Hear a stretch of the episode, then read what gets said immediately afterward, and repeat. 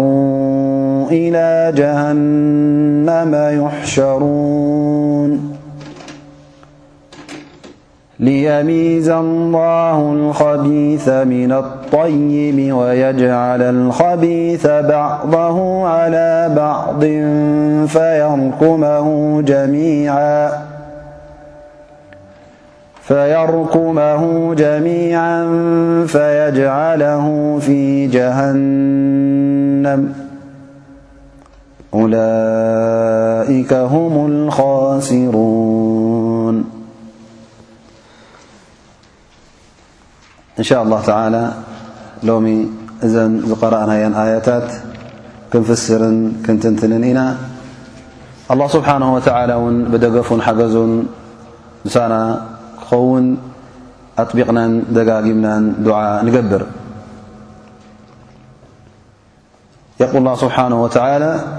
وإذ ينكر بك الذين كفروا ليثبتوك أو يقتلوك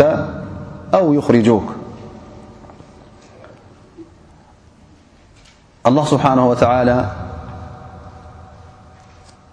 ነቢና ሙሓመድ صለ ላሁ ዓለህ ወሰለም በዛ ኣያ እዚኣ ገይሩ ካብቲ ኣብ ትሕቲ ቁሬሽ ዝነበረ ሽግር ከመይ ገይሩ ኣላ ስብሓን ወተዓላ ከም ዘናገፎ ማለት ጌና ቅድሚ ህጅራ እዛ ሱራ እዚኣ ብዛዕባ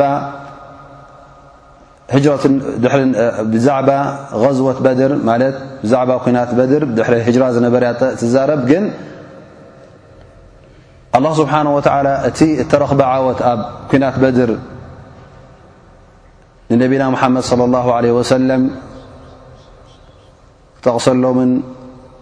ከብርሃሎምን እንከሎ ኣብ ርእሲኡ እውን ኣላ ስብሓን ወተዓላ ቅድሚ ሕጂ ካብ ክንደይ ፀበባን ካብ ክንደይ ሽግርን ብሓለዋ ኣላ ስብሓን ወተዓላ ነቶም ሙእምኒን ኮይኑ ንነቢና ሙሓመድ ለ ላሁ ለ ወሰለም ናፃ ከም ዝበሎም ከም ዝዐወቶም ኣላ ስብሓን ወተዓላ በዛ ኣያ እዚኣ ንነቢና ሙሓመድ ለ ላሁ ለ ወሰለም ክሳዕ ክንደይ ፅበት ከም ዝነበረ ኣብ ግዜ ቅድሚ ህጅራ ኣብ መካ እንከሎ ኣላ ስብሓን ወተዓላ እውን ከመይ ገይሩ ከም ዝዐወቶ ከመይ ገይሩ ናፃ ከም ዘውፅኦ ካብቲ ውዲት ናይ ቁሬሽ እዩ ኣላ ስብሓን ወተዓላ ዝነግር ዘሎ እዛ ኣያ እዚኣ ብዛዕባ እንታይ እያ ትዛረብ ዘላ ኣብ ኮይና ኣብ መካ ከለዉ ነቢ صለ ላሁ ለ ወሰለም ገና ቅድሚ ህጅራ ማለት እዩ ኩነታት እና ዓፀቐን እናፀበበን ኣብ ዝኸደሉ እዋን ማለት ነቶም ሙስሊሚን ንነቢይ صለ ላሁ ዓለህ ወሰለም ቁሬሽ እቲ ጭቆናኣን እቲ ግፍዓን እናዛየደ ኣብ ዝኸደሉ እዋን ኣብ መጨረሻ እውን ሓደ ዓይነት ውዲት ሓሲቦም ነይሮም ማለት እዩ እዚ ውዲት እዚ ኸመይ ነይሩ ኣብ ሲራ ነቢይ صለ ላሁ ለ ወሰለም ከም ተጠቕሰ እንተ ርኢና ቁሬሽ ኣኼባ ገይሮም ማለት እዩ እዚ ኣኼባ እዚ ኩሎም ተኣኪቦም ንምንታይ እዮም ተኣኪቦም ዘለዉ ብዛዕባ ነቢ صለ ላሁ ለ ወሰለም ሓደ ዓይነት ስጉምቲ ንኽውሰድ ኣብ ሓደ ውሳኔ እውን ንኽብፃሕ ኣብ ዳር ነድዋ ኣኼባ ንኽግበር ተፀዋዊዖም ማለት እዩ ኣብዚ መዓልቲ እዚ ንኣኼባ ንክገብሩ እናኸዱ ከለዉ ኣብ መንገዲ ኣብቲ ጥቓ ዳር ነድዋ ኣብቲ መእከቢኦም ቦታ ኣብ መንገዲ መን ይረኽቡ ሓደ ዓብ ሰብኣይ ይፀንሖም ማለት እዩ ሓደ ዘይፈልጥዎ ሰብኣይ ዓብ ሰብኣይ ኣረጊ ሰብኣይ ሽማግለ ይፀንሖም ማለት እዩ እዚ ሽማግለ እዚ እንታይ እዩ ነይሩ ሰብ ተመሲሉ ዲያብሎስ ሸይጣን እዩ ነይሩ ማለት እዩ ኣብ መንገዲ ጸኒሑ ኣነስ ናባኹም ኣኼባ ትገብሩ ኣለኹም ሰሚዐ መጽየ ስለዚ ኣብዚ ኣብ ኣኼባኹም እዚ ንክሕወስ ምናልባሽ ካባይ ርእቶ ትወስዱ ኣነ እውን ካባኹም እጥቀም እሞ እንታይ ትብሉ ኣነ ኣብቲ ኣኼባኹም ዝተተሓወስኩስ ከመይ ኢሉ ይዛረቦም ማለት እዩ እንታዋይ ኢኻ ካበይ መጺካ ኢሎም ይሓትዎ ኣነ ሸይኹን ነጅዲ ኣነ ሓደ ሽማግሌ በዚ ነጅድ ዝበሃል ቦታ ዝቕመጥ ብኡ እየ ኢሉ ማለት እዩ ምን ኣህል ነጅድ ኣነ ሽማግሌ ካብቶም ኣህል ነጅድ እየ ይብል ማለት እዩ ሕራይ እቶ ኢሎም ይእትዎ ማለት እዩ ሽዑ ዘረባ ይጅምር ማለት እዩ ክመያየጡ ይጅምሩ ኩሎም ውን ነናቶም ርእይቶ ይህቡ ብዛዕባ መን ብዛዕባ ነቢና ሙሓመድ صለ ላሁ ለ ወሰለም እንታይ ዓይነት ስጉምቲ ክወስዱ ከም ዘለዎም ኩሎም ተሰማሚዖም ምእንቲ ሓደ ዓይነት ፈፃሚ ዝኾነ ስጉምቲ ንክውሰድ እዩ እዚ ኣኼባ እዚ ተገይሩ ኣትዩ ምስኦም እናተዘራረቡ ከለዉ ሓደ ርእይቶ መፅ ማለት እዩ እሱ ከዓ ይብሉ ዝበለጸ መፍትሒ ነዚ ጉዳይ እዚ ንነብይ ሙሓመድ ሒዝና ኣብ ሓንቲ ገዛ ክንኣስሮ ኣነ ናተይ ርእቶ ኢሉ ይዛረብ ማለት እዩ ሓደ ከምዚ ኣላ ስብሓን ወተላ ዝበላ ወኢዝ የምክሩ ብከ ለذና ከፈሩ ልዩስቢቱካ ብማዕና ይቀይዱ ንክቅይዱኻን ንክኣስሩኻን ሓደ ካብቲ ውይዲ ተኻየደ ማለት እዩ ክሳዕ ሓደ መፍትሒ ዝርከብ ወይ እውን ተኣሲሩ ብኡ እውን ይመውት ብኡ ድማ ይርሳዕ ቅድሚ ሕጂ እውን ካልኦት ከምዝናቱ ዝኣመሰለ ዘሸብሩ ዝነበሩ ሸዕራ ገጠምቲ ኣናቢቓ ወዙሄር ዝበሃሉ ነይሮም ከምኡ ንሰብ ኣዋሪዶም ንሰብ ኣትዒቦም ኣትኪቦም ስለ ዝነበሩ ብዕድሚኦም እውን ሞይቶም ስለዚ ንዕኡ እውን እንተ ንኣስሮ ኢሎም ይዛረቡ ማለት እዩ እተ ኣሲርናዮ ሰብ ክራኸቡ ኣይክእልን እዩ ናብ ሰብ እውን ክበፅሕ ኣይክእልን እዩ ክሳዕ ሓሪኡ ዝኸውን ክሳዕ ዝመውት ምስ ሞተ ድማ ክርሳዕ እዩ ይብሉ ማለት እዩ እዚ ርእቶ እዚ ምስ ወረደ እቲ ሽማግለ ካብ ነጅድ ዝመፀ በዓል ነጅድ ዝተባሃለ ወላ እዚ ርእቶ ርእቶ ኣይኮነን እ ስለምንታይ ኢሎም ምስ ሓተትዎ ኣነ በዚ ዝረኣየኒ እዚ ምእሳር እዚ ኣይጠቅምን እዩ ምኽንያቱ ሙሓመድ ንበይኑ ኣይኮነን ሰዓብቲ እውን ኣለዎ ካብ መካ ውን ወፂኦም ኣብ መዲና ዝኸዱ ኣለዉ ንሂጅራ ንምድሪ ሓበሻ ውን ዝኸዱ ኣለዉ እሞ እዚኦም ተኣሲሮም እከለዉ ምናልባሽ ካብዚ ማእሰርቲ እዚ ካብዚ ኣሲርናዮ ዘለና ቦታ ከምልጥ ይኽእል እዩ ምናልባሽ ብለይቲ መፂኦም ብዝኾነ ይኹን ገለ ገይሮም እንተ ደኣ ወሲዶም እሞ ከም እንደገና ምስኦም ሓዪሉ ካልኦት ወሲኹ ተበራቲዑ መጺኡ ንዓኹም ከጥፍኣኩም እዩ። ስለዚ እዚ ርእይቶ እዚ ርእይቶ ኣይኮነን፣ ነቲ ጉዳይ እውን ብፍጹም ዘጥፍኦ ኣይኮነን ኢሉ መሊሱ ማለት እዩ። ጠይብ እንታይ ደኣ ገበር ኢሎም ይሓቱ እንደገና ተመያይጦም ድማ ሓደ ርእቶ ኣብ ባይታ ይወርድ እሱ ኸዓ ይብሉ እሞ እዚ ኻብ ኮነ ካብ ዓድና ካብታ መካ ምስ ጎጎ ነውፃ እዮ ሕና ረቢሹና እዩ ዘሎ ስለዚ ከይርብሸና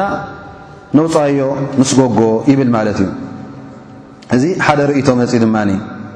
እዚ ርእይቶ ድማ እቲ ሽማግለ እቲ ኣይተቐበሎን። እዚስ ርእይቶ ኣይኮነን። እሂ እንታይ ኮይኑ እዚ ኸ ትርእይዎ ኣለኹም ንገዛእ ርእሱ ኣብዚ መካ እዚ ንክንደይ ሰብ ኣታሊሉ መልሓሱ ምቁር መልሓስ ጥዑም መልሓስ ዝሰምዖ ሰብ ድማ ክንደይ ሰብ ብሰንኩ ተታሊሉ እንተ ሕጂ ካብዛ ዓዲ ውፂኹሞ እተ ፈኒኹሞ ድማ ኣብ ካልእ ቦታ ከይዱ ንዕኦም ምናልባሽ የታልል ዝኸውን ንኡ ዝሰምዕ እውን ምናልባሽ ኣይስእንን ዝኸውን እሞ ካልኦት እውን ምስኡ ዝእከቡ ኣይክሰኣኑን እዮም ተኣኻኺቡ እውን ተለቃቂሙ ካብትን ካብትን ካብቲ ኩሉ ምድሪ ዓረብ ተኣኻኺቡ ሓይሉ ምናልባሽ ይመፅእ ይኸውን ፅባሕ ንግሆ ከጥፍኣኩም እዩ ስለዚ እዚ እውን ብፍጹም ነቲ ዳዕዋ ናይ ሙሓመድ ወይ ከዓ ነቲ ዝገብሮ ዘሎ ሙሓመድ ሽበራ ንዕኡ ዘጥፍእ ኣይኮነን እንታይ ደኣ ካልእ ደኣ ሕሰቡ ካልእ ደኣ ረኣዩ ኢሉ እንደገና እውን ነዚ ርእቶ እዚ ይነፅጎ ማለት እዩ እወ ሓቁካ ኣለካ እወ ሓቅካ ኣለካ ኢሎም በርዱ ነታ ርእይቶ የውድቑዋ ማለት እዩ እንደገና ይመያየጡ ክመ ሕጂ ኣብ መጨረሻ መን ይዛረብ ኣሎ ኣቡ ጃሃል ይዛረብ ማለት እዩ ኣቡ ጃሃል ይብል ኣነ ሓንቲ ርእይቶ ኣላህኒ እሳ ውን ዝበጻሕኩም ኣይመስለንን ኣነ ድማ እሳ እታ ዝበለጸት ርእይቶን ካብዚ ጉዳይ እዚ እውን ብጽቡቕ ኣወጻጽኣን ብጽቡቕ ኣወሳስናን እንውስነላ እያ ይመስለኒ ኢሉ ተዛሪቡ እንታይ እዩ ተዛረብ ኢሎሞ ኣነ ናተይ ርእይቶ ይበል ካብተን ቀቢላታት ናይ ቁሬሽ ሓሓደ እኹል ሓያል ጎበዝ ንምረጽ እዞም ኣጓብዝ እዚኦም ንኹሎም እውን ነናቶም ሴፍ ንሃቦም ነናቶም ሴፍ ንሃቦም እሶም ከኣ ብሓንሳእ ኮይኖም ብሓንቲ ኢድ ተኣኪቦም ኣብ ሓንቲ እዋን ብሓንቲ ሰዓት ኩሎም ነዛ ሴፍ ኣብ ዝባኑ ኣብ ርእሱን የውድቑሉ እሶም እንተ ደኣ ቀቲሎም እሞ ሓሙሽተ ሸውዓተ ዓሰርተ ኮይኖም ከካብ ቀቢላ ወፂኦም ስለ ዘለዉ ደሙ ኣብ ክንደይ ክምቀል ሕጂ ኣብ ሓደ ኣይኮነን ኣብ ምንታይ ደኣ ኣብተን ኣርባዕተ ሓሙሽተ ቀቢላታት ኣብ ዓሰርተ ቀቢላ ክምቀል እዩ ከምዚ እንተ ደኣ ኮይኑ በኒ ሃሽም ደሙ ክሓቱ ይክእሉን እዮም ዝቐተለ ይቀተል ኢሎም ኣንጻርተን ኩለን ቀቢላታት ክዋግኡ ክእለት የብሎምን ብጋር ነፍሲ እውን ክረድኡ እዮም ጋር ነፍሲ ሂብና ብኡ ትጉዳይ ይጭረስ ስለዚ ኣነ እዚኣ ታርእቶ ዝሓሸትን ዝበለፀትን ዝብል ኢሉ ይዛርብ ማለት እዩ ጠብ ሸይጣን ኣብቲ ኣኼባ ስለ ዝነበረ ሃذ ወላه ረኣይ እዚ እዩ ርእቶ ዝበሃል ኣልቀውሉ ማ ቃል ኣልፈታ እዚ ሰብኣይ እዚ እዚ ወዲ ዝበሎ ን ዓብ ሽማግለ ስለ ዝኾነ በዓል ኣብጃሃል ኣጓብ እዚኦም ነሮም ኣልቀውሉ ማ ቃል ኣልፈታ ላ ኣራ غይረ ኢሉ መሊሱ ማለት እዚኣ እታ ቅንዕቲ ርእቶን ቅንዕቲ ኣበሃህላን ኢሉ ተዛሪቡ ማለት እዩ በዚ ተኣኼባ ተበቲኑ ውሳነ እንታይ ተወሲዱ ሕጂ ነቢና صለ ላه ለ ወሰለም ክቐትልዎም ማለት እዩ ፈእታ ጅብሪል ነቢ صለ ላه ለ ወሰለም ጅብሪል መፅዎም ጅብሪል ከዓ እቲ ኩሉ ውዲት እንታይ ከም ተገበረ ነጊርዎም ሎም መዓልቲ ክትወፅእ ኣለካ ኣብቲ መደቀሲኻ ውን ትትሓደሮ ዝነበርካ ኣብኡይ ትሕደር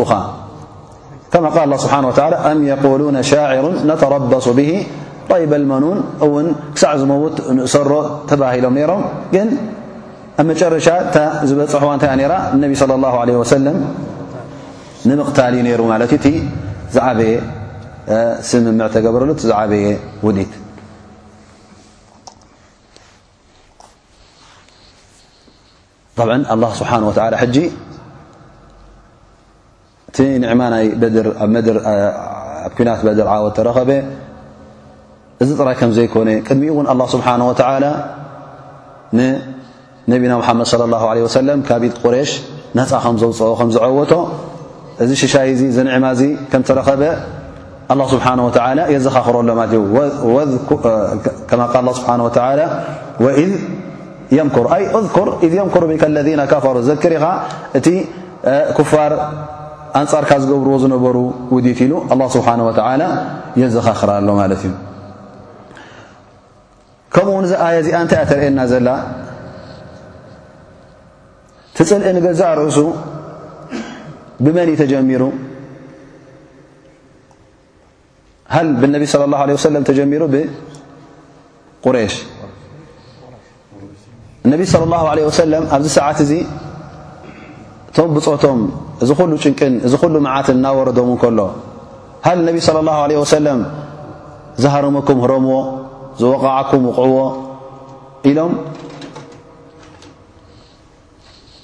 ዝቐተለኩም ቅተልዎ ኢሎም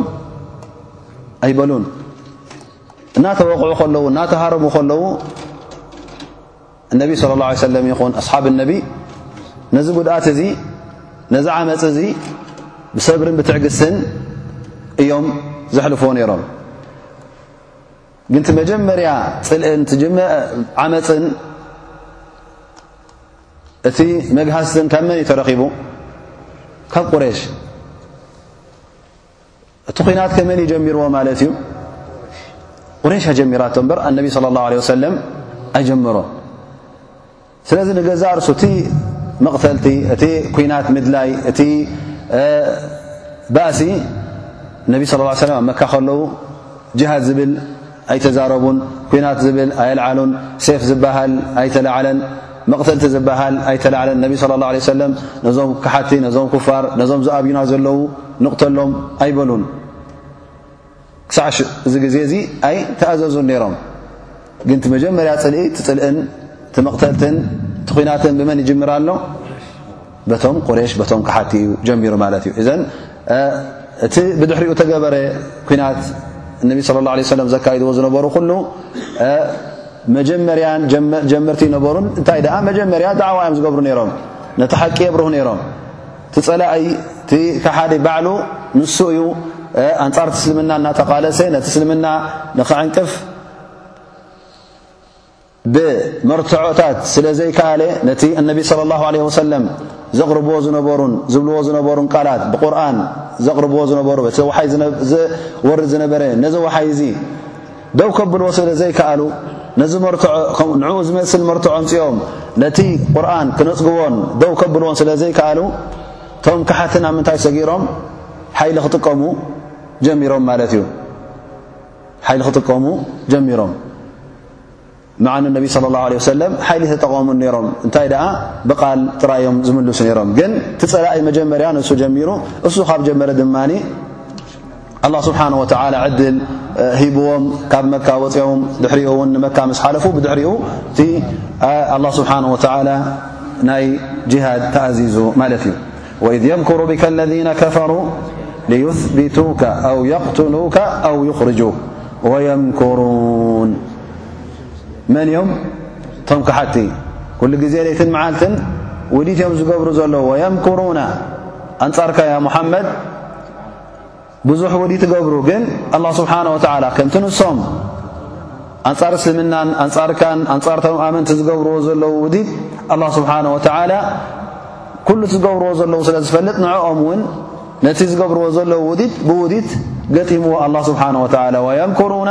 ወየምኩሩ ላ ኣላ ስብሓን ወተዓላ ድማ ናቱ ገብር እሶም መኽሩ እንዲኦም ዘለዉ ኣላ ስብሓን ወተዓላ ድማ ናቱ ምኽሪ ኣለዎ ወየምኩሩና ወየምኩሩ ላ ወላሁ ኸይሩ ልማኪሪን ኣላ ስብሓን ወተዓላ ዝገብሮ ውዲት ግን ኣንጻርቲ ጸላእቲ ዝገብሮ ንእከይ ኣይኮነን ንሰና እዩ ኣላ ስብሓን ወተዓላ ዝመኽሮ ነቶም መገዲ ሓቂ ሒዞም ዘለዉ ዘዐውት ነቲ ክሓቲ ዝገብርዎ ዘለዉ ውዲት ንዕኡ ዘበርዕን እንተዘይኮይኑ ኣላ ስብሓን ወተዓላ ውዲቱ ኩሉ ንሰናይ እዩ ድኣ እምበር ንእከይ ኣይኮነን እቶም ክሓቲ ግን ውዲቶም ኩሉ ንሕማቕ ንኽፍኣት ንመቕተልትን ንማሕረድን ጥራይ ከም ዝኾነ ኣላ ስብሓን ወተዓላ ይሕብር ኣሎ ማለት እዩ ፈመከርቱ ብህም ከምቲ ንሶም ኡሪት ዝገብርዎ ዝነበሩ ኣላ ስብሓን ወተዓላ ውዲት ገይሩ ነቲ ዝሓሰብዎ ኩሉ ኣፍሽሉሎም ማለት እዩ ፈያ ሙሓመድ ዘክር ኢኻ እቲ ዝሃብናካ ኒዕማን ሽሻይን ካብ ኢዶም እውን ብሰላም ኣውፅናካ እቲ ተሓሲቡ ዝነበሩ ኩሉ ኣብ ግብሪ ኣይወዓለን እንታይ ደኣ እቶም ክሓቲ ፈሽሎም እነቢይ ለ ላ ለ ወሰለም ካብዚ ጸበባ እዚ ካብዚ ሽግር እዚ ወጺኦም ካብ መካ ንመዲና ህጅራ ገይሮም ፍልሰት ገይሮም ድሕሪ ክንደይ ዓመታት ድማ ንመካ ተመሊሶም ንመካ ተቆጻጺሮማ እቲ ብፍርሃትን ብሽግርን ዝወጽዋ ዓዲ ተዓዊቶም ጸብለልትነት ኣርእዮም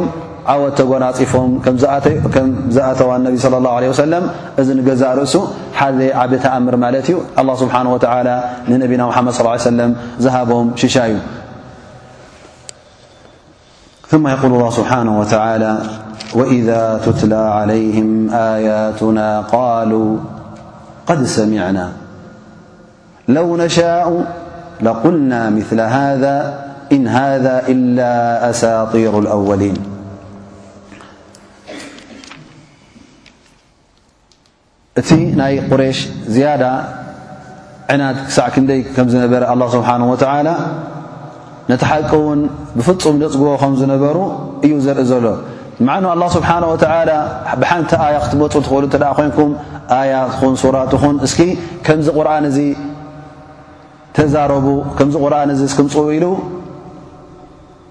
ተሓዲ ገይሩሎም ነይሩ ግን እዞም ሰባት እዚኦም ነዚ ተሓዲ እዚ ወይ ከዓ ነዚ ኣላ ስብሓን ወተላ ዝጠቐሶ ምንም ክገብሩ ይከኣሎም ግን ኣብ ርእሲ እዚ እውን ይቕፅሉ ነይሮም ማለት እዩ እቲ ክሕደቶም ምእንቲ ቅፅሉ ቐድ ሰሚዕና እዚ ትብሎ ዘለኻ ንሰምዖ ኣለና ሱቕ ኢልካ ኣይትረብሸና ኢኻ ሱቕ ኢልካ ኣይትረብሸና ኢኻ እናበሉ መዓ ንሶም ከምዚ ቁርን እዚ ከምፅኡ ኣይከኣሉን ግን እንደገና እውን ለው ነሻኡ ለቁልና ምላ ሃ ናይ ኣፍ ዳኣ እምበር ብግብሪ ኣበሎ ተበልካዮም ግን ሓንቲ ይገበሩን ግን ሓደ ነገር እሶም ኣይከኣልዎን ኣብኡ ከለዉ ግን ከምዚ ክብል ምክኣልኩ ነረ ኢልካ ክኢልካ ማለት ኣይኮነን እንታይ ደኣ ናይ ኣፍ ዘረባ ኢኻ ትዛረብ ዘለኻ ምእንቲ ተሳዒረ ንኸይትብል ኣለኹ ጌና ብህወተይ ንኽትብል ትብሎ ማለት እዩ ስለዚ እዚ ዝብልዎ ዝነበሩ ናይ ቃል ዩ ደኣ እምበር ብተግባር ነቲ ኣላ ስብሓን ወተዓላ ዘውርዶ ዝነበረ ወሓይ ንዑ ዝመስል ቃል ንዕኡ ዝመስል ቁርን ከምጽኡ ኣይከኣሉን ቐድ ሰሚዕና ለው ነሻኡ ለቁልና ምለ ሃذ ይብሉ ነይሮም ግን እዚ ሓቂ ኣይኮነን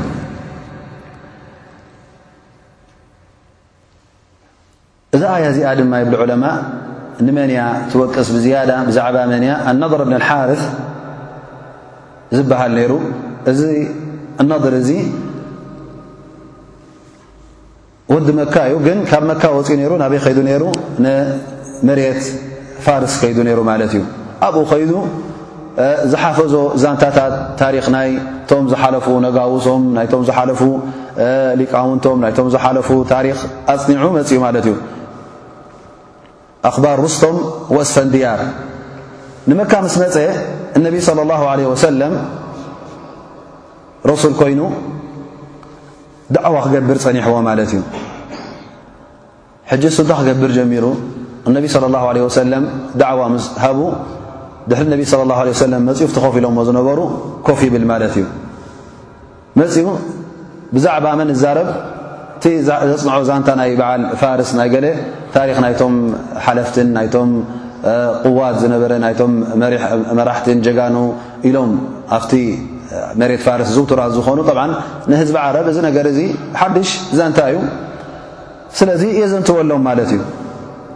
ኣብ መጨረሻ እዚ ምስ በለ እንታይ ይብል ቢላህ ኣዩና ኣሕሰኑ ቀሰሳ ኣና ኣው ሙሓመድ መን እበልፅ ዛንታ ዝበኩም ዘሎ ናተይ ዛንታን ወረን ዝበኩም ዘለኹ ይበልፅ ወይስቲ ሙሓመድ ዝብለኩም ዘሎ ኢሉ ይዛረብ ነይሩ ማለት እዩ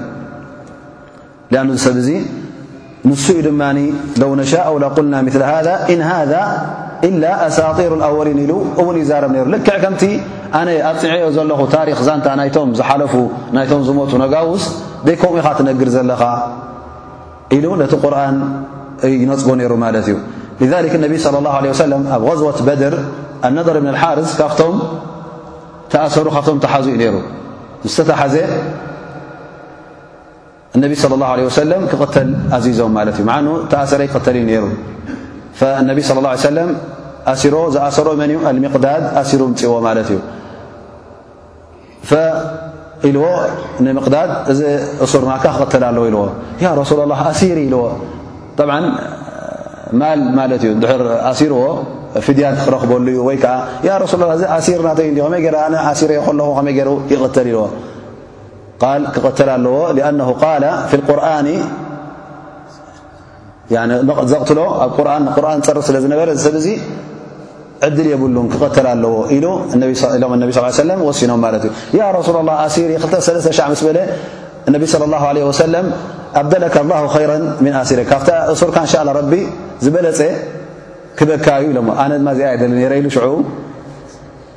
እታ ዱዓ ናይ ረሱል ረኺቡ ማለት እዩ ላስ ሽዑ ፈኒዎ ላስ ይቀተል ኢሉ ማለት እዩ ፈትዮ ኣይኮንኩን ደልዮ ግን እነቢ ስ ሰለም ኣብ ክንዲ እዚ ካብኡ ዝበለፀ ንኽበኒ ዱዓ ገይሮምሉ ማለት እዩ ነታ ዱዓ ረኺቡ ላስ ፈኒሎም ማለት እዩ ተቐትሉ ማለት እዩ ፈኢዘን ቁሬሽ ኮይዱ እዚ ሰብኣይ እዚ እውን እንታይ እዮም ዝብሉ ነይሮም ኣሳጢሩ ኣወሊን ንቁርን በዚ ዝረባ እዚ ከናሽውዎን ከናእስዎን ይርከቡ ነይሮም ማለት እዩ ኣሳጢሩ ኣወሊን ታሪክ ዛንታ ናይቶም ዝሓለፉ ከምቲ እነቢ ስ ሓንሳ እውን እንታይ ይብሉ ነይሮም እነቢ ስለ ላሁ ለ ወሰለም ነዚ ዝብለኩም ዘሎ ዛንታ እኮ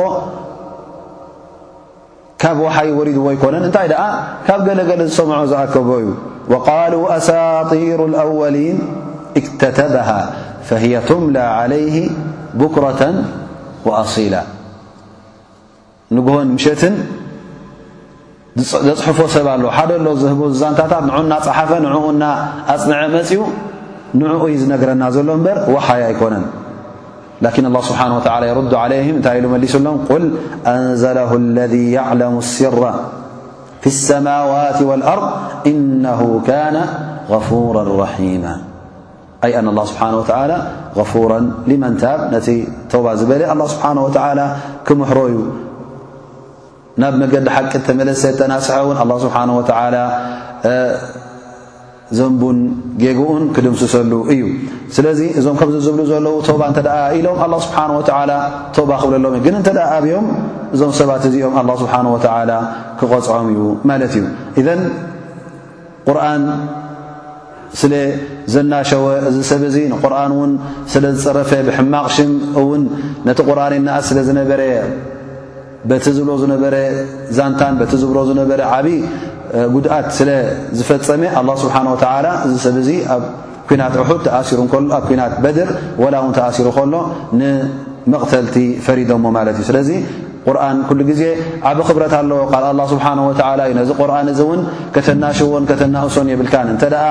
ንቁርን ኣናኢስካዮ ንቁርን ተላጊጽካሉ እንተ ንቁርን ጸሪፍካዮ እዚ እንታይ እያ ኸዋና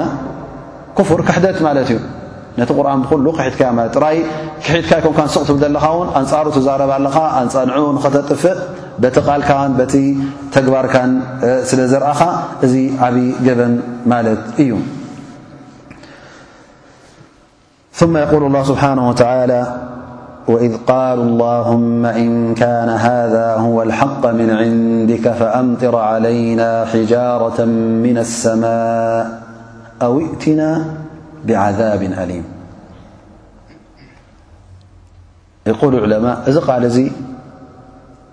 ደናቑር እተዘይኮኑ ነይሮም ኣእምሮ እተዘይህልዎም ነይሩ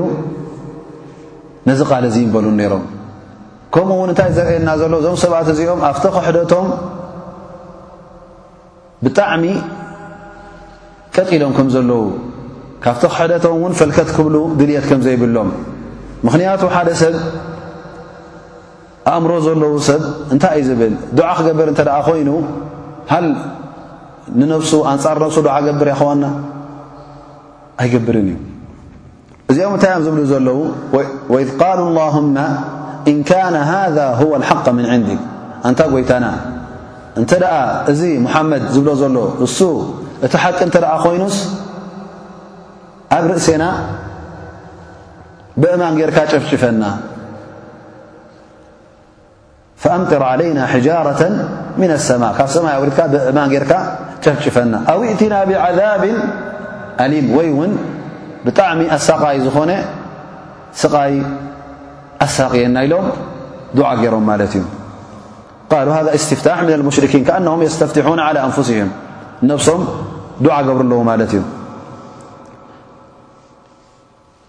ጠብዓን ኣእምሮ ዘለዎ ሰብ መፍሩድ እንታይ እዩ ክብሉ ነይርዎም እን ካነ ሃዛ ሁወ ልሓቃ ምን ዕንዲ ፈህዲና ኢለይ ኩሉ ሰብ እንታይ እዩ ዝደልያ ክዋ ሓቂ እንዲ ዝመርፅ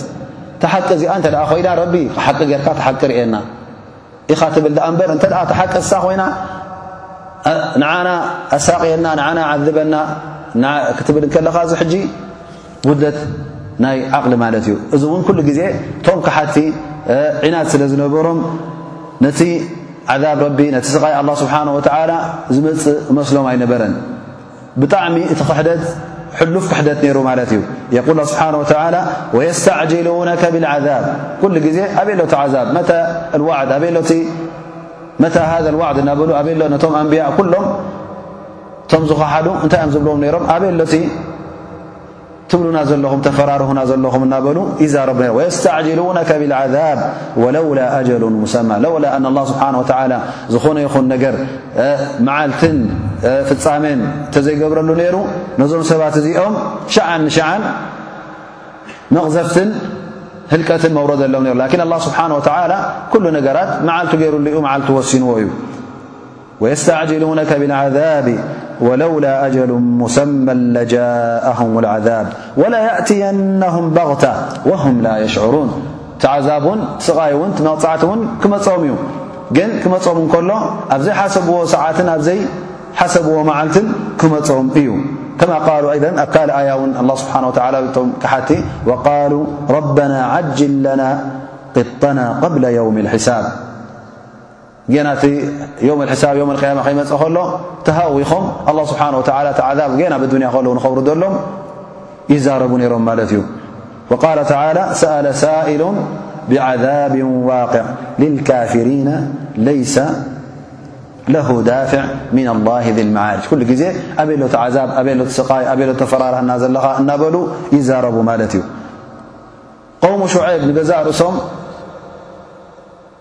ጥራይ ኣብ ግዜ ነቢና መሓመድ ስ ሰለም ጥራይ ዘይኮነስ ወላ ቀደም ውን ኣብቶም ቀዳሞት ኣንብያ ንቆሙ ሽዔብ እንተ ርእና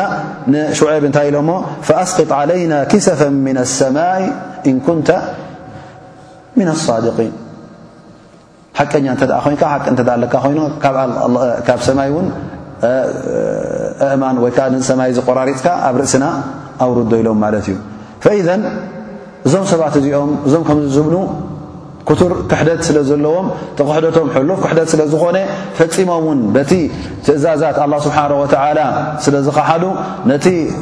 ዝወሃቦም ዘሎ መጠንቀቕታ እውን መጠንቀቕታ ኮይኑ ስለ ዘይተሰምዖም ኣብ ግብሪ እውን ክውዕል እዩ ዝብል እምነት ስለ ዘይነበሮም ንነቢ ስለ ላሁ ለ ወሰለም መፅኦም እንታይ ኢሎም እንካነ ሃዛ ወልሓቅ ምን ዕንድክ ፈኣምጢር ዓለይና ሕጃረተ ምነ ሰማ ኢሎም ዱዓ ይገብሩ ነይሮም እዚ እውን ጉድለት ካብኦም ማለት እዩ ላኪን ኣላ ስብሓን ወተላ ነዚ ቃል እዚ ምስ በሉ እውን መሊሱ ኣለዎም ማለት እቲ ስቓይ ስለምንታይ እዩ ዘይወረደ ኣላ ስብሓን ወተላ እውን ስለምንታይ ዕድል ሂቦም ዘሎ ኣብታ ብድሕሪኣ ትስዕብ ኣያ ትመፅእ ማለት እዩ የቁል ላ ስብሓን ወተላ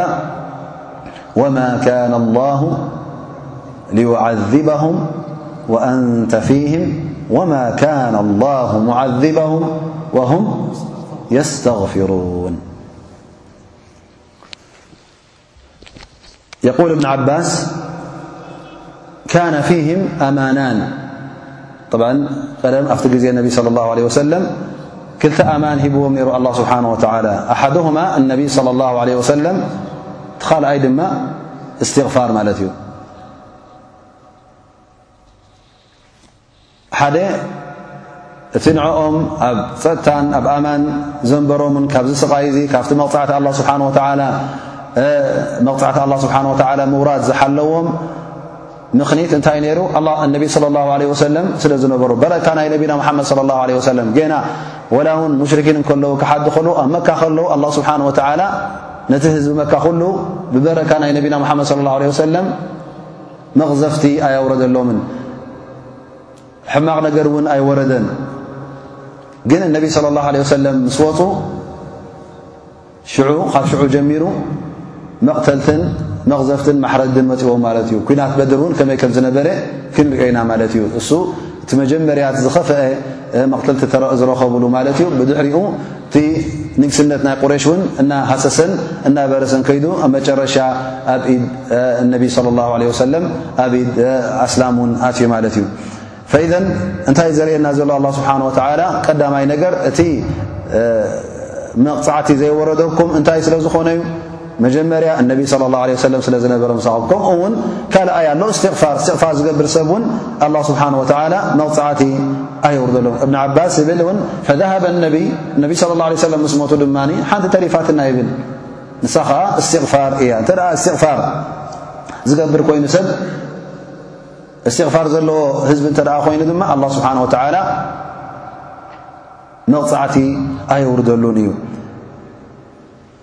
روى الترمذي عن أبي موسى-قال قال رسول الله صلى الله عليه وسلم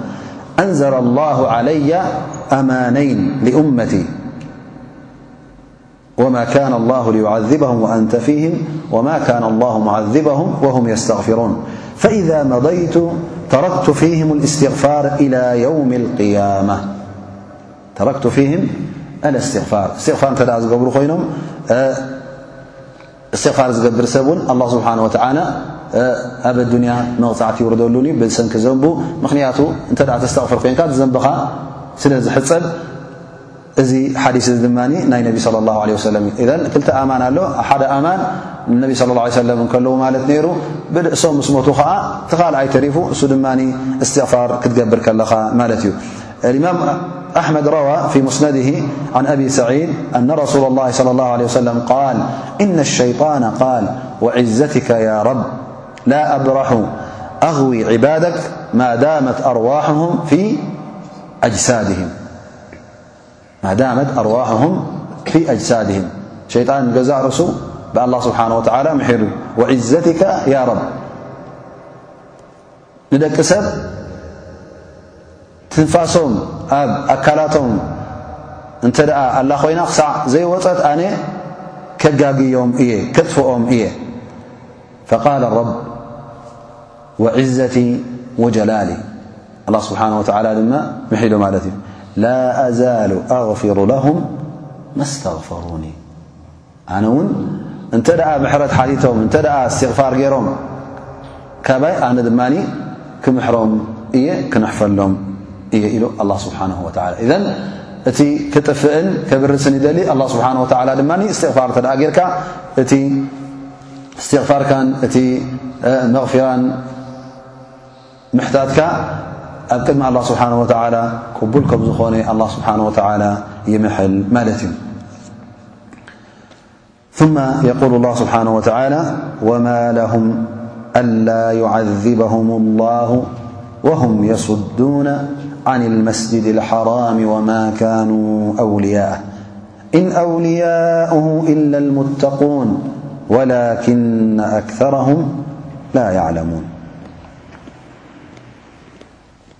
ኣላ ስብሓን ወተዓላ እዞም ክሓቲ እዚኦም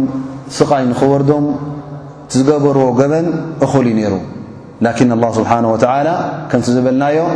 በረካ ናይ ነቢና ምሓመድ ለ ላ ለ ወሰለም ኣብ መካ ስለ ዝነበረ ሽዑ እነቢ صለ ላሁ ለ ወሰለም እንከሎ ኣየውረደሎምን ነይሩ ግን ከምቲ ዝበልናዮ ኣላ ስብሓን ወተዓላ መጀመርያ ካብ መካ ምስ ወፀ ተዓዲ እናኸፈአትን እናተሸገረትን መቕተልቲ እናበዛሓን ከይዱ ማለት እዩ እዘን እዞም ሰባት እዚኦም ወማ ለሁም ኣላ ዩዓذበሁም ላሁ ወሁም የስዱና ዓን ልመስጅድ ሓራም እቲ ዝገብርዎ ዘለዉ ተግባራት ኩሉ ነውራም ዝኾነ ተግባር እዩ። እሶም እውን ሓደ ካብቲ ዝገብርዎ ዘለዉ ንደቂ ሰብ ንዓኹም ነቶም ኣስላም ኣብዛ መካ እዚኣ ከም ድላይኩም ንኸይትሰግዱ ከም ድላይኩም ንኣላ ስብሓን ወተዓላ ከይተምልኹ እውን የባርርኹም ኣለዉ የስዱና ዓን ልመስጅድ ልሓራም ካብ መስጅድ ኣልሓራም ንሰብ ይኽልክሉ ኣለዉ ወየቁል ስብሓን ወተዓላ ኣብ ናይ ሑደይብያ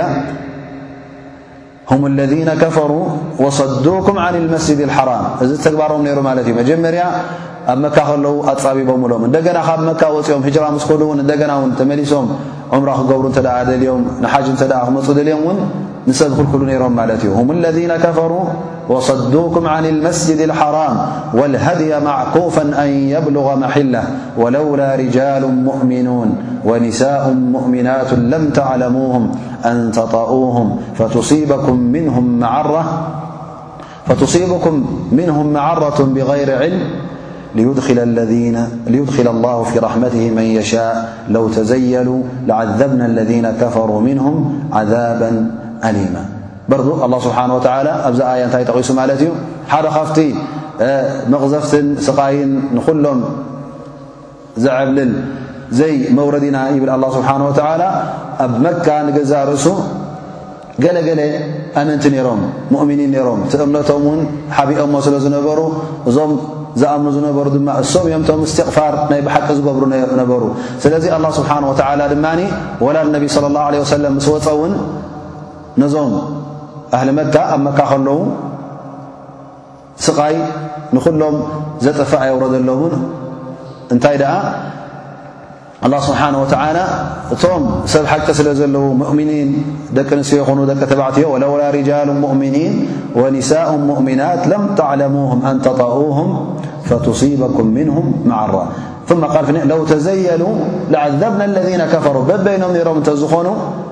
እቶም ኣመንቲ ንበይኖም እቶም ኣብ መካ ነበሩ እቶም ክሓቲ ንበይኖም ነሮም እተዝኾኑ ኣላ ስብሓን ወተዓላ ነቶም ክሓቲ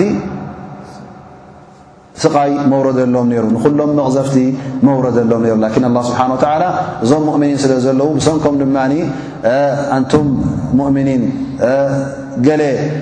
ጉድኣት ንኸይርከብ እሞ ንዓኹም እውን ንኸይትሓዝኑ ኢልና እቲ ስቓይ እቲ ፈትሕ መካ ኣላ ስብሓን ወተዓላ ኣደንጉዎ ማለት እዩ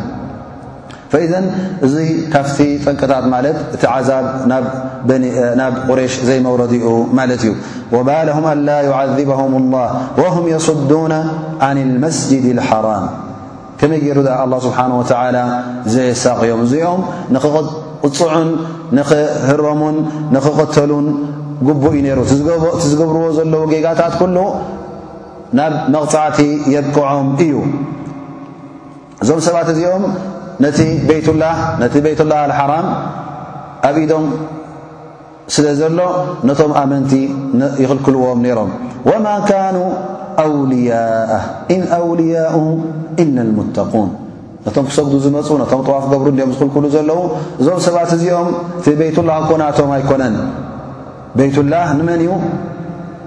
ኣህሉ በይትላህ ዝኾኑ እቶም ኣውልያኡ እቶም ናቶም ዝበሃል እቶም ኣመንቲ እዮም ሙሓመዱን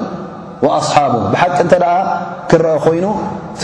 ቤይትላ ኣብ ኢድ ክሓትን ኣብ ኢድ ሙሽርኪን ክኸውን የብሉን ኣብ ኢድ መን ይኸውን ዘለዎ ኣብ ኢድቶም ውሕዲን ኣብ ኢድቶም መገዲ ሓቂ ሒዞም ዘለዉ ማ ካነ ልልሙሽርኪና ኣን ያዕሙሩ መሳጅድ ኣላህ ፈጺሞም ሙሽሪኪን ምስ ኣላ ስብሓን ወተዓላ እሽራግ ዝገብሩ ኸዓቲ ንበይትላህ ነቲ መስጅድ ኣልሓራም ክዕምርዎ ኣይክእሉን እዮም ክዕምርዎ እውን ብቕዓት የብሎምን ምኽንያቱ ሙሽሪክ ስለ ዝኾነ እንታይ ክገብር ኣብዚ بت حرم كل الله سبحانه وتلى زيفت بر الله سبحنه وتلى فتو أيجبرن ي ما كان للمشركين أن يعمروا مساجد الله شاهدين على أنفسهم بالكفر أولئك حبطت أعمالهم وفي النار هم خالدون ن ك ال اله بنه ولى إنما يعمر مساجد الله من آمن بالله واليوم الآخر وأقام الصلاة وآت الزكاة ولم يخشى إلا الله فعسى أولئك أن يكونوا من المهتدين إذن تم ነዚ በይቱላህ እዚ ሒዞም ንሰብ ዝኽልክሉ ዘለዉ ናቱ ኣይኮኑን፣ ንሶም እውን ኣብ ኢዶም ክኸውን የብሉን፣ እዞም ሰባት እዚኦም ክቕጽዑ እዩ ዘለዎም ኢሉ ኣላ ስብሓን ወተዓላ ይሕብር ማለት እዩ። ፈጺሞም እውን ነዚ በይቱላህ እዚ ክሕልውዎ ብቕዓት የብሎምን ኣይክእሉን እዮም። በል እቶም ሙተቒን እቶም መንገዲ ሓቂ ዝሓዙ ንሶም እዮም ሒዞሞ ክነብርዎ ዘለዎም ንሶም እዮም ከዓ ክሕልውዎ ዘለዎም።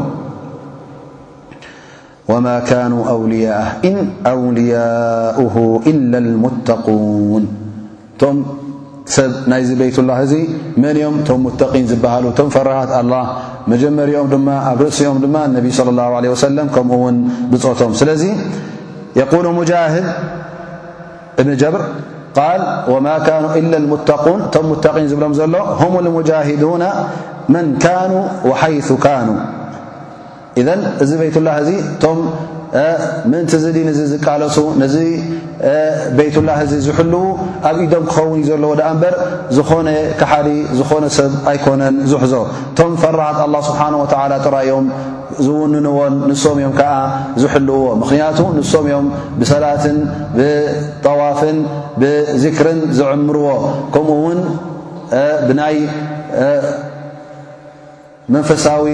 ምዕማር ኮይኑ ብናይ ማላዊ ምዕማር ዝዕምርዎ ኸዓ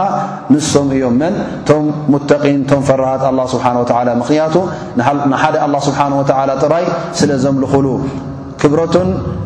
ልኡልነቱን እውን ንሶም እዮም ብዝያዳ ዝፈልጥዎ ስለዚ ነዚ ቤትላ እዚ ክብረቱ ዝሕልውሉ መን እዮም ቶም ኣመንቲ ቶም ብኣላ ስብሓን ወተዓላ ዝኣምኑ ቶም ፈራሃት ኣላ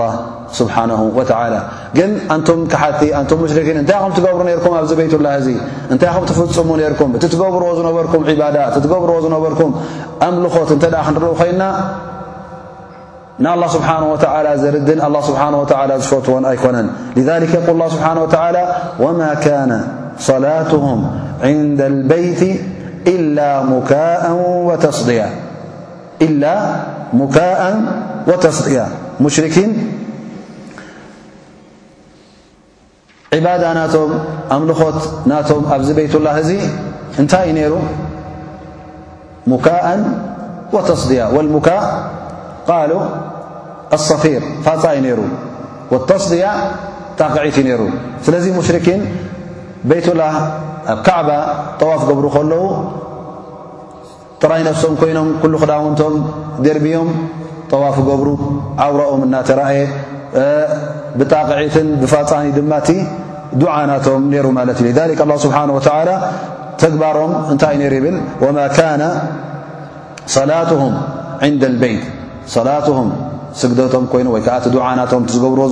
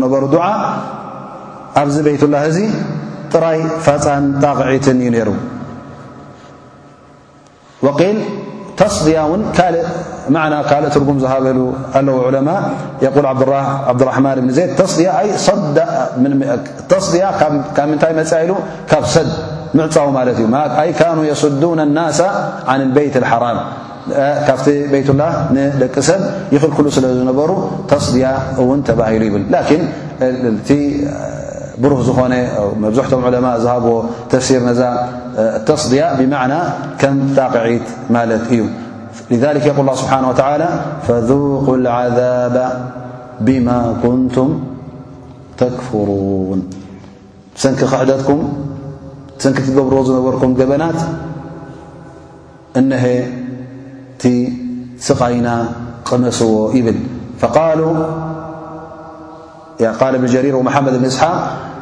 እዚ እሻራ ናይ ምንታይ ብል ናፍቲ ኣብ በድሪ ተረኸበ ዓወት ናይቶም ሙስሊሚን ይሕብር ኣሎ ማለት እዩ እቲ ኣንጻር ክሓቲ ዝወረደ መቕተልትን ዝወረደ ውርደትን እዩ ኣላ ስብሓን ወተላ ፈዘውቅ ዓዛብ ዝብዞም ዘሎ እቲ ገበንኩም ዝገበርኩምሞ ኣብዚ ኩናት በድር ርኢኹምዎ ማለት እዩ እቲ መቕፃዕቲ እነሀ ወሪድኩም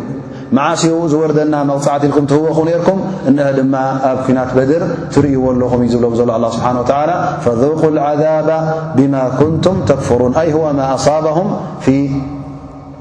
የውሚ በድር ኢሎም ዑለማ ፈሲሮሞ ማለት እዩ ስለዚ ኣላ ስብሓን ወተዓላ ነቶም ክሓቲ ኣብ ኣዱንያ ከሳቕዮም እንከሎ ወይ ባዕሉ ዘውረዶ ሓደ ሙሲባ ሓደ መቕጻዕቲ ገይሩ ይቐጽዖም ወይ እውን ብኢድ እቶም ኣመንቲ ገይሩ ይቐጽዖም ማለት እዩ ፈኢዘን ዘውቅ ዓዛብ ነቲ ስቓይ ምቕማሱ ወይ ብኢድ ኣመንቲ ክኸውን ይኽእል እዩ ወይ እውን ትኻቢሉ ብቐጥታ እውን ኣላ ስብሓን ወተዓላ ይቐጽዖም እዩ ከምኡ እውን ኣብ ዮም ኣልቅያማ መቕጻዕቲ ኣለዎም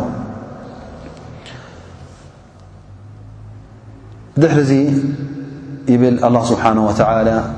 ኢن اለذين كፈሩا ينفقون أموالهم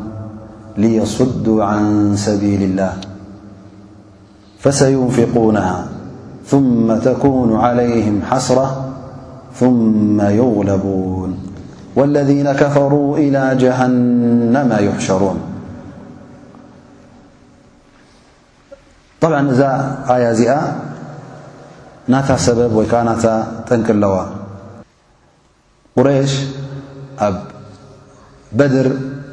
ምስ ተሳዕረት ከምቲ ዝጠቐስናዮ ጠንቂ ናይ ኩናት በድር እንታይ ነይሩ? እነቢ صለ ላሁ ለ ወሰለም ኣግማል ናይ ቁሬሽ ንምኽታር ማለት ትጃራ ናይ ቁሬሽ ንግዲ ናይ ቁሬሽ ነይረን ኣግማል ኣቡ ስፍያን ሒዝወን ዝመፅ ዝነበረ ካብ ሻም ንዕአን ንምኽታር እዩ ነይሩ ማለት እዩ መጀመርያ እቲ ሓሳብ ግን እዘን ኣግማል እዚአን ኣምሊጠን ቁረይሽ ድማ ብመካ ተበጊሶም ንነቢ ስለ ላሁ ለ ሰለም ክገጥሙ መፅኦም ማለት እዩ እታ ኩናት ሽዑ ተረኺባ ኩናት ምስ ተረኸበት ኣብዛ ኩናት እዚኣ ሕጂ እቶም ዓበይቲ ዓዲ ዝበሃሉ እቶም ሽማግሊ ዓዲ እቶም መሪሕነት ናይ ቁሬሽ መብዝሕቶም ኣብዚ ኩናት እዚ ተቐቲሎም ማለት እዩ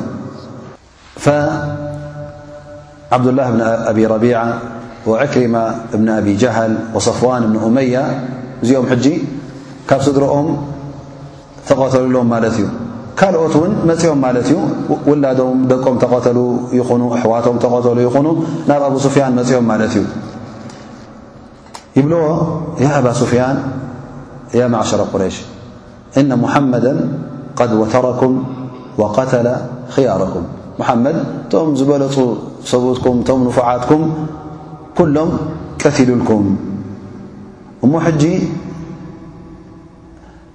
እቲ ኩናት ንገዛእ ርእሱ ጠንቂ ዘርከቦ እንታይ እዩ ነይሩ ከምቲ ዝበልናዮ ተን ኣግማል ተን ትጃራተን ብንግዲ ኢለን መዓት ገንዘብ ማል ሒዘን ዝመፃ ዝነበራ ኣግማል የኒ ማለት እዩ እዚ ማል እዚ ዝገንዘብ እዚ ሕጂ ሕኔና ንኽንፈድየሉ እቶም ገንዘብ ዘለኩም ሕራ ይበሉ ጠብ እቲ ገንዘብ ኩሉ መብዝሕቶም ቁሬሽ ነይርዎም ኢልና ኢና ኣብዚ ንብረት እዚ ፈይዘን እንታይ ኣብለዉ እዞም ሰባት እዚኦም እዚ ገንዘብ እዚ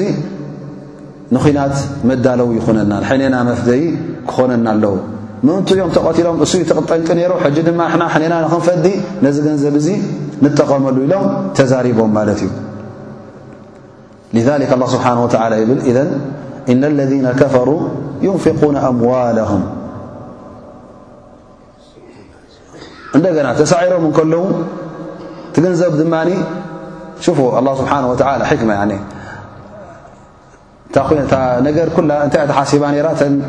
ኣግማል ክኽተራ ማለት እዩ ትገንዘብ ንኽጠፍእ እቶም ኣስላም ንክወስድዎ ዩ ተሓሲቡ ነሩ ማለት እዩ ግን ብሕክማ ዩሪድ ላ ስብሓን ወተላ እዚ ኮነን እንታይ ደኣ እታ ኩናት ተረኺባ ማለት እዩ ኣብ ኩናት ተሳዒሮም እቲ ዘድሓንዎ ገንዘብ እውን ንገዛ ርእሱ ሕጂ እንታይ ኮይኑ ማለት እዩ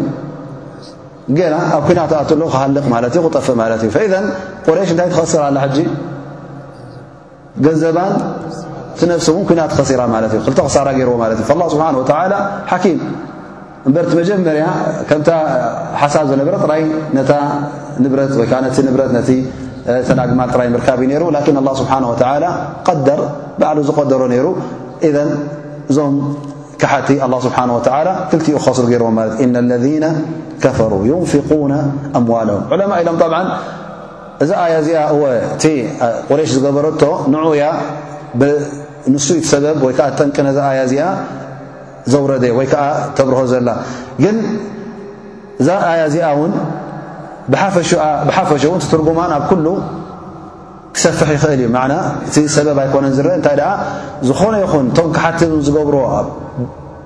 ቅድሚ ሕጂ ኮይኑ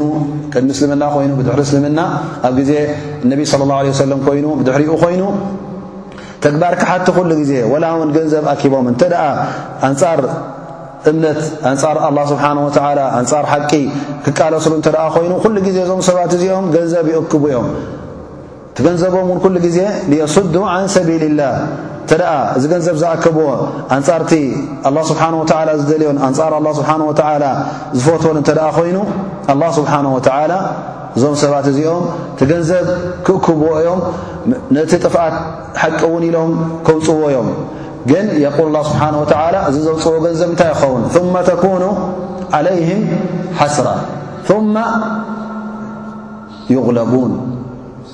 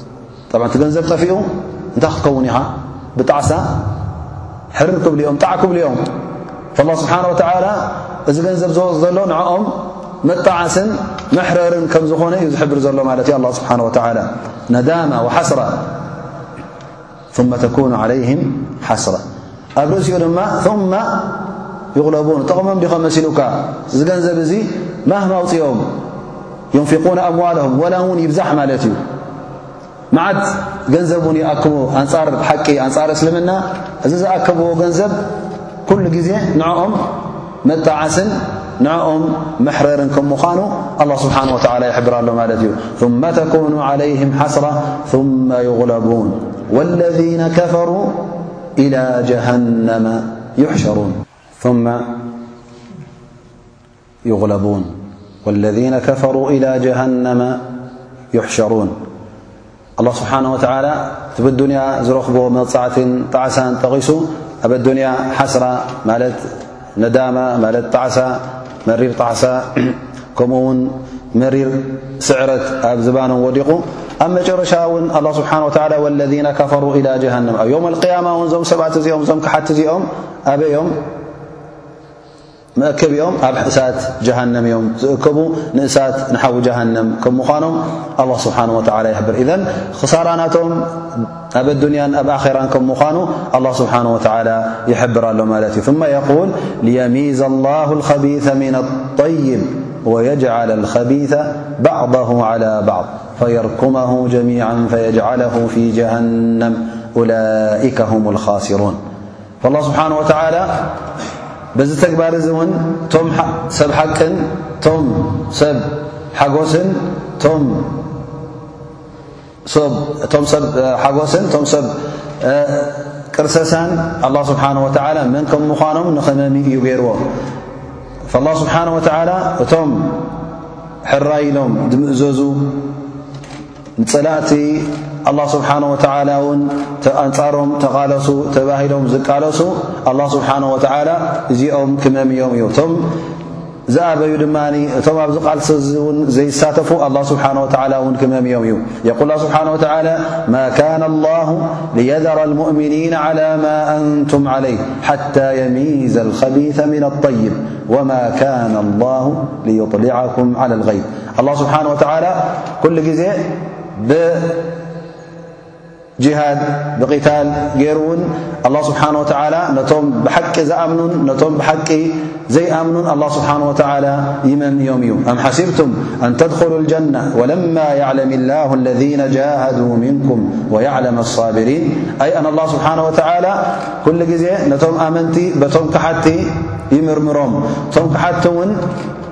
በቶም ኣመንቲ ይምርመሩ ማለት እዩ መን እዩ እቲ ክሕደት ክቕፅል ዝደሊ ዘሎ መን እዩ ከዓ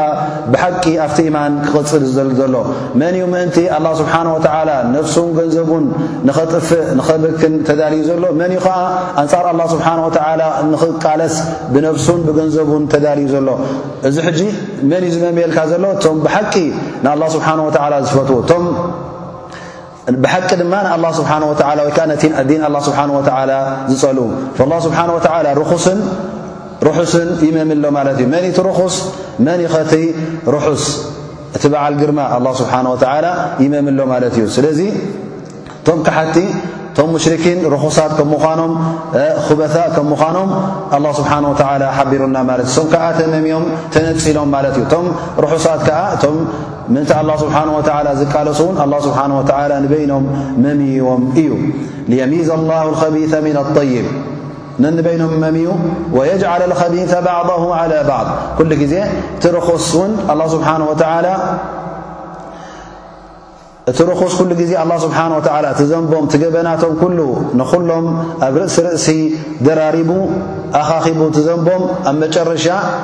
ንእሳት ጀሃነም ንኽብሎም እዚ ፈተነታት እዚ የካይዳ ኣሎ ማለት እዩ ፈየርኩመሁ ጀሚዓ ፈየጅዓለሁ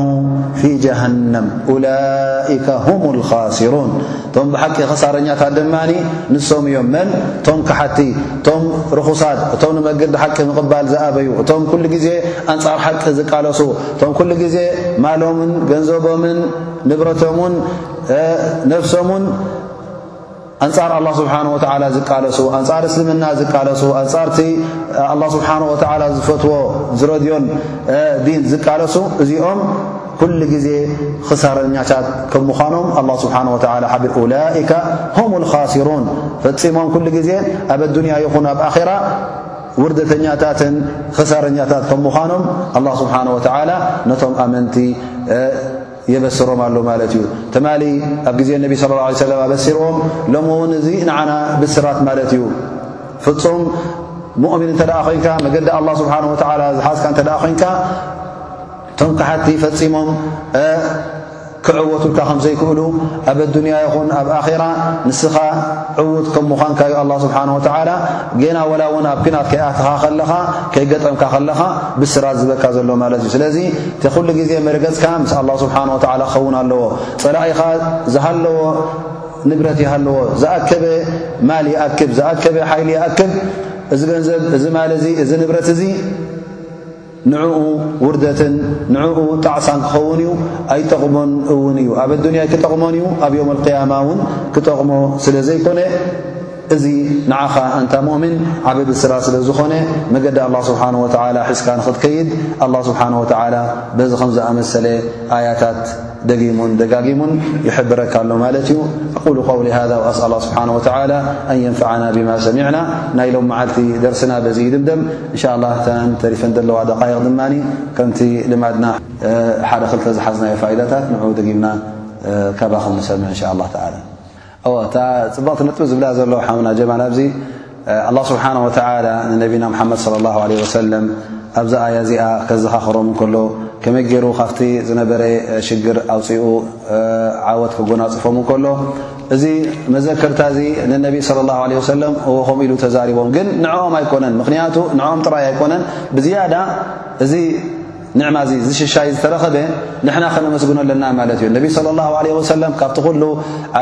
ሽግራት ካብቲ ኩሉ መዓታት እሶም ኮይኑ እቶም ብፆቶም ኣስሓብ ነቢ ስ ሰለም ነዚ ክሰግርዎ ከለዉ ብዓወት ክጎናፀፉ ከለዉ እዚ ንገዛ ርእሱ ንሕና እውን ክነመስግን ኣለና ማለት እዩ ምክንያቱ ካብኦም ዩ መፅኡና እቲ ሕና ብፅሕናዮ ዘለና ወይከዓ እቲ ናባና በፂሑ ዘሎ እስልምና ንሶም እሶም ተቓለስዎ ማለት እዩ ኣላ ስብሓን ወተዓላ እውን ነዚ እስልምና እዚ ካብ ሽዑ ሓልዩ ክሳዕ ሕጂ ዝሕልዎ ዘሎ ንሕና ክነመስግን ኣለና ማለት እዩ። ታሓቂ ሽዓ ጠፊኣ ነራ ተዝኸውን ውን ታሓቂ ኣይበጻሕናያን ነራ መገዲ ሓቂ እስልምና ብኣእምሮኻን ብክእለትካ ናገኳ ትበፅሑ እንታይ ኻ ትበፅሕ ኣላ ስብሓን ወተዓላ በቲ ወሓይ ናብ ሩሱል ዘውረዶ ማለት እዩ ስለዚ እቲ ሓላዋ ዝግበር ዝነበረ ንገዛእ ርሱል ነቢ صለ ላه ለ ወሰለም ንዓና እዩ ንዓና መድሓይና ካብ መገዲ እከይ ንመገዲ ኸር ንክንሕዝ እዚ ኹሉ ሲራ እዚ ኹሉ ታሪክ ጸኒሑና ማለት እዩ ከመይ ገይሩ እውን ሽግራት ከም ዝረኸበ እዚ ኹሉ ክጸንሓና ንሕና እውን ዓብ ምስጋና ክንገብር ኣለና ማለት እዩ ኣላ ስብሓን ወተላ ትሽዑ ተረኸበ ድሕነት ናህና ድሕነት ስለ ዝኾነ ንኣላ ስብሓን ወተዓላ እውን እዚ ድሕነት እዙ ክንርስዖ የብልና ንኣላ ስብሓን ወተዓላ ከነመስግን ኣለና ይብል ኣሎ ማለት እዩ እዚኣ ፅብቕቲ ነጥቢ ወክሳክታ ሂቡና ማለት እዩ ባረከ ላ ፊ ና ወዲ ሰብ ማህማ ዓብዪ ውዲት ይግበር እቲ ዝገብሮ ዘሎ ውዲት ኩሉ ኣንፃር ዝኾነ ይኹን ሕማቕ ነገር ንክገብር ይኹን ካብ ናይ ኣላ ስብሓን ወተላ ዝያዳ ነቲ ጉዳይ ጥ ክቆፃፀሮ ኣይክእልን እዩ ኣላ ስብሓን ወተላ ንወዲ ሰብ እዩ ዝቆፃፀሮ ውዲት ደቂ ሰባት እውን ኣላ ስብሓን ወላ እዩ ዝቆፃፀሮ ስለዚ እንተ ደኣ እቶም እከይ ዝሓስቡ ዘለዉ እቶም ሕማቕ ዝሓስቡ ዘለዉ ኣላ ስብሓን ወተላ በቲ ናቱ ኼረኛ ውዲት ገይሩ ነቲ ናቶም ውዲታት ነቲ ናቶም ተግባራት ከፍሽሎ ከም ምዃኑ ኣላ ስብሓን ወተላ ኣብዚ ኣያ እዚ ሓቢሩና ማለት እዩ እታ ዝብላ ዘሎ ብዛ ኣያ እዚኣ ዝጠቐሳ እ ኣላ ስብሓን ወተዓላ ደቂ ሰብ ክልተ ኣማን ሂብዎም ኣብ ግዜ ነቢና መሓመድ ለ ላ ለ ወሰለም ማለት እዩ እቲ ሓንቲ ኣማን ነቢ ስ ሰለ ኣብ ዝሃለውሉ እታ ካለይቲ ድማ እስትቕፋር እታ ቀዳመይቲ ሕጂ ከይዳ ማለት እዩ እ ሰለ ሕጂ የለውን ምሳና ስለዚ ሓንቲ ተሪፋትና ማለት እዩ እሳ ድማ እስትቕፋር እስትቕፋር ክንገብር ከለና እዚ ሓደ ዓብ ኣማን ካብ ኣላ ስብሓን ወተላ ተዋሂድና ማለት እዩ ምኽንያቱ መቕፃዕቲ ኣላ ስብሓን ወላ ንኸይወርደካ ኣብ ኣዱንያ ኮይኑ ኣራ ኮይኑ ብኣማን ትነብር ኣለኻ ማለት እዩ እተ ካብ እስትቕፋር ርሕካ እስትቕፋር ዘይትገብር እተ ኮንካ ምሕረት ካብ ኣላ ስብሓን ወላ ዘይትሓተ እተ ኮንካ ግን ዝባንካ ተቐዲዑ ኣሎ ማለት እዩ ንምንታይ ንመቕፃዕቲ ማለት እዩ ስለዚ ተጠንቀቕ ማለት እዩ ዝባንካ ቁሉዕ ክትገድፎ የብልካ እንታይ ደኣ ሳትር ዲፋዕ ክትገብረሉ ኣለካ እዚ ዲፋዕ እዚ ዝኣማን እዚ ድማ እንታይ እዩ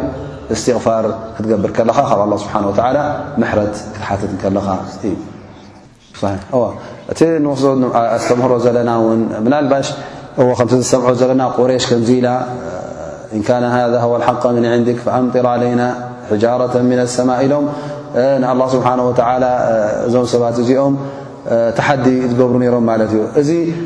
ከም ታሪክ ጥራይ ኣይኮነን እንታይ ደኣ ወላ ኣብዚ ግዜና እውን ሕጂ ይረአ ኣሎ ማለት እዩ። ምናልባሽ እሶም ብሓፈሸኦም ቶም ህብረተሰብ ይበልዎ ደኣ እምበር ኣለዉ ሕጂ እውን ገለገለ ሰባት ነዚ ጉዳይ እዚ ዝብልዎ እንተ እስልምና ዝሓቂ ኮይኑ ወይ ከዓ እተ እዚ ትብሎ ዘለኻ ናይ ኣላ ከምዝገብር እዩ ከዚ ገሩ ይቐፅዕ ትብሎ ዘለኻ ገብር እተ ኮይኑስ እስከ ኣበሎ ዝብሉ ኣለዉ ማለት እዩ ኢሉ ሓውና ዛረብ ኣለዋ ስለዚ ኣላ ስብሓን ወተላ እቲ ከምቲ ቅድሚ ሕጂ እውን ዝበልናዮ ማለት እዩ ኩላ ግዜ እውን ንደጋግሞ ኢና ማለት እዩ እቲ ኣብ ቁርን ዝጥቀስ ዘሎ ዛንታታት እንተደኣ ኮይኑ ጥራይ ዛንታ ኣይኮነን እንታይ ደኣ ተደጋጋሚ ስለ ዝኾነ ኣስተምህሮ ንክንወስድ እዩ ኣላ ስብሓን ወተዓላ ዝሕብረና ዘሎ እዚ ትማሊ ተባህለ ሎሚ ኣይበሃልን እዩ ፅባሕ እውን ኣይበሃልን እዩ ማለት ኣይኮነን እንታይ ደኣ በንፃሩ እቲ ትማሊ ተባህለስ ሎሚ ክበሃል ከም ምዃኑ ፅባሕ እውን ክበሃል ከም ምዃኑ እዩ ዘረዳእና ዘሎ ኣላ ስብሓን ወተዓላ ጥራይ ዛንታ ሰሚዕካ ብቲ ዛንታ እንተ ጥቕሚ ዘይብሉ ኮይኑ እንተ ኣብቲ መፅኣ ህወትካ